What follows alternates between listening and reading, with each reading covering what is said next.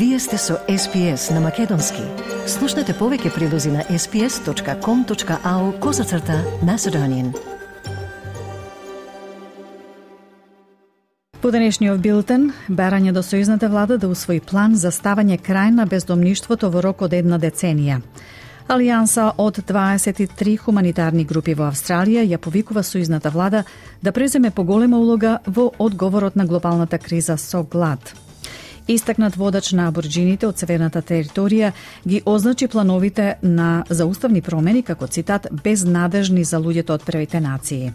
И македонскиот председател Стево Пендаровски ќе предводи првата македонска делегација на Илинден во Свети Прохор Пчински по пауза од 18 години.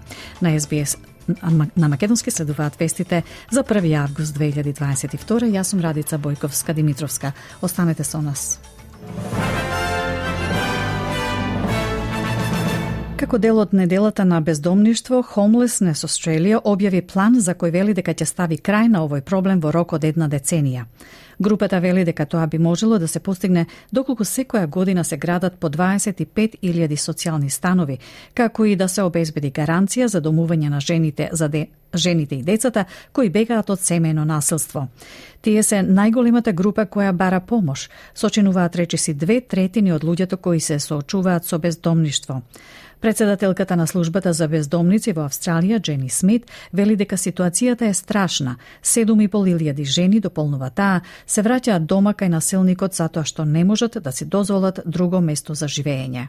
Seven and a half thousand women every year return home to the perpetrator because they find that they uh, just can't afford to be anywhere else. And we know that 45,000 other women would like to be able to leave but just can't see a pathway forward to be able to afford uh, to do that. So, out of that social housing investment, we do uh, need to see a housing guarantee for women and children uh, escaping family violence.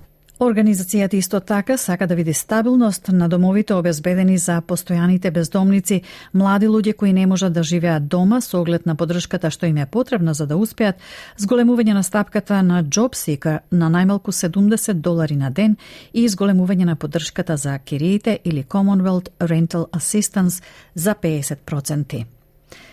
Намалувањето на цените на становите од 5 до 8 главни градови во Австралија е предводено од остриот пад на вредноста на куќите во Сиднеј и Мелбурн. Податоците на CoLogic покажуваат дека вредноста на живеалиштата паднала за 1,3% на национално ниво во јули, што е трет месечен пад поред. Цените се намалија за 2% од април, иако повеќето собственици на куќи остануваат во добивка, поречиси 29% национален пораст на вредноста за време на пандемијата. И покрај месечните падови, цените на куќите во главните градови се зголемија за 5,4% во текот на минатата година, додека цените во регионалните делови беа повисоки за 17%. Истакнат водач на абориджините од северната територија ги означи плановите на премиерот Антони Албанезе за уставни промени како цитат безнадежни за луѓето од првите нации. Има обновени повици да се даде приоритет на договор наместо глас во парламентот. Австралија останува единствената земја од Комонвелтот која никогаш не подпишала правно обврзувачки договор, што опфаќа прашања како што се правата на земјиштето со домородните луѓе. Независниот пратеник во парламентот на Северната територија и припадник на народот Јолнго, Јенгија Марк Гујула, за NITV News изјави дека глас во парламентот не значи многу и дека прашањето треба да се реши со договор што би им дал вистинска моќ на домородните народи. But voice itself is just helpless. It's not much at all. It is the treaty we believe that that has the power. It's about giving space. It's about working close together. It will send families to move back onto their country, clan estates, how we were, and give us strength and power again. We were disempowered because of what was taken away from us. Персонал на повисоки позиции во Дом за стари лица во Мелбурн ќе биде принуден да даде докази за смртта на 50 жители по неуспешна битка во Врховниот суд. Председавачот на Домот за стари лица Свети Василий Кон Контис и директорката на медицинските сестри Вики Кос одбија да дадат искази за време на истрагата врз основа на само инкриминација. Тие отидоа до Врховниот суд на Викторија за да го спречат државниот судски вештак Џон Кейн да ги принуди да дадат докази во истрагата за смртта на жителите за време на избовнувањето на COVID во 2020 година.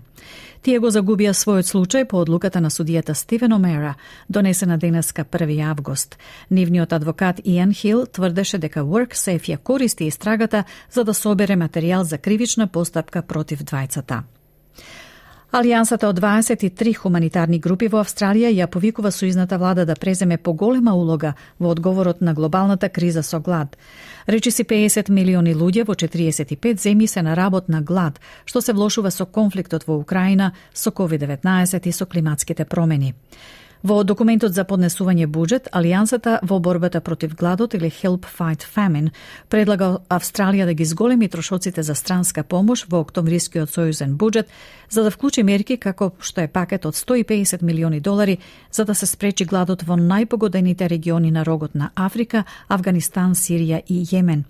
Исто така се вели дека се потребни долгорочни инвестиции во насочена глобална стратегија за безбедност на храната и во мерките за отпорност на климата за Азиско-Пацифичкиот регион. Портпаролката на Алијансата, австралиската адвокатка родена во Афганистан, Маријам Вейс Задех, вели дека е потребна итна акција. Circumstances are such that in countries including Afghanistan, there is what is described as a perfect storm. An entire generation's on the brink of starvation um, because of that perfect storm, which is created largely by, you know, um, countries at war, but also the Ukraine, the Russia war has caused all sorts of food um, supply chain issues. It actually requires immediate and unprecedented action to save millions of lives. По повод одбележувањето на Илинден, Денот на Републиката, македонскиот председател Стево Пендаровски ќе предводи државно црковна делегација во посетнот во посета на манастирот Свети Прохор Пчински, каде е одржано првото заседание на антифашистичкото собрание на Народното ослободување на Македонија или АСНОМ на 2 август во 1944 година. Како што соопштија од кабинетот на председателот, по тој повод председателот Пендаровски остварил телефонски разговори со председателот на Република Србија Александар Вучиќ и со поглаварот на Српската православна црква патриархот господин господин Порфири. Посетата на манастирот Свети Прохор Пчински, која што се случува по речиси две децении, е позитивен импулс за отворање нови поглавја во меѓусебните релации, стои во сообштението. Во составот на делегацијата што ќе ја предводи председателот Пендаровски ќе бидат членови на Собранието и на владата на Македонија и представници на Македонската православна црква Охридска архиепископија. Македонската опозицијска ВМРО ДПМН започна, како што ги нарече, широки консултации за референдум, на кои граѓаните би се изјасниле дали ја прифаќаат преговарачката рамка со Европската Унија, во која е вклучен и билатералниот договор со Бугарија. Лидерот на партијата Христијан Мицковски рече доколку власта одлучи да не го бойкотира или да не го попречува референдумското изјаснување, сум убеден дека референдумот и формално правно ќе биде ќе биде успешен. Владеачката СДСМ не прифаќа референдум за францускиот предлог за почеток на преговорите и билатералниот протокол со Софија, дециден премиерот и лидерот на партијата Димитар Ковачевски. Тој на понудената опција од Мицкоски, власта и опозицијата заедно да го одредуваат референдумското прашање, повтори дека референдумот е само за внатрешна употреба на ВМРО ДПМН. Ковачевски ги повика и пратениците во парламентот да ги изгласаат потребните уставни измени за продолжување на европскиот пат. Сосема е нерелевантно барањето на ВМРО ДПМН за некаков референдум кој што треба да биде изјаснување против зачленување во Европската Унија. Од ВМРО ДПМН преку сообштение рекоа дека референдумот е можност да се чуе народот и ја повикаа и власта и сите останати партии да ја поддржат нивната иницијатива. Украинскиот председател Володомир Зеленски им изрази сочувство на семејствата и пријателите на земјоделскиот тајкун Олексеј Вадатурски и неговата сопруга, кои загинаа вчера под руско гранатирање во јужниот град Миколаев. Локалните власти соопштија дека 74 годишникот и неговата сопруга Раиса загинале кога проектил го погодил нивниот дом. Господин Вадатурски беше собственик на Нибулон, компанија што се занимава со извоз на жито. Тој ја доби и наградата Херој на Украина. Украина. Зеленски вели дека нацијата тагува. Російський удар забрав життя. The Russian strike took the lives of Alexei Vedetursky and his wife Rasa. Mr. Vadatursky was the founder of one of the largest Ukrainian agricultural companies and a hero of Ukraine. My sincere condolences to the relatives and friends of the Vadatursky spouses. People like them, companies, and our Ukrainian South guaranteed the world's food security. It's always been so and will be so again. Повторно во земјава Австралиската сојузна полиција заплени 8 имоти и 4 луксузни возила како дел од истрага за перење пари. Откриено е дека два дома и складиште во Канбера биле претресени минатиот четврток 28 јули. Запленети се и повеќе од 1,5 милион долари во готовина, како и документи и електронски уреди. 35 годишен маж е обвинет за тргување со имоти за кои постои основано сомневање дека се приноси од казниво дело. Полицијата ќе тврди дека тој перел готовина и криптовалути од продажба на украдени идентитети и нелегална стока. Полицијата исто така ќе тврди дека тој добивал пари од измами и нелегално онлайн коцкање. Доколку биде прогласен за виновен, се соочува со три години затвор.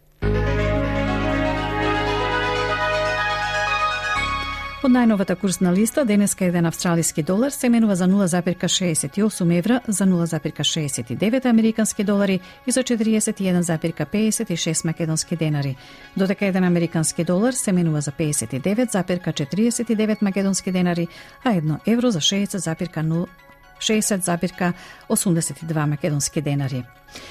Накосо и временската прогноза за главните градови за утре вторник, 2 август. Перт врнежливо и ветровито, максималната ке стаса до 16 степен. Аделаид врнежливо 16, Мелбун делумно облачно и ветровито, максимална 16.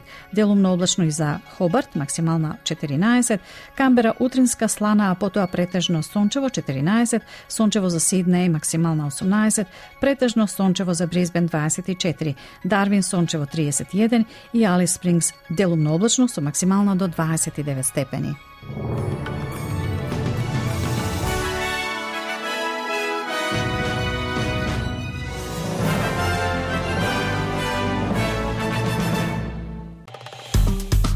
Стиснете, ми се допаѓа, споделете, коментирајте. Следете ја SPS на Македонски на Facebook.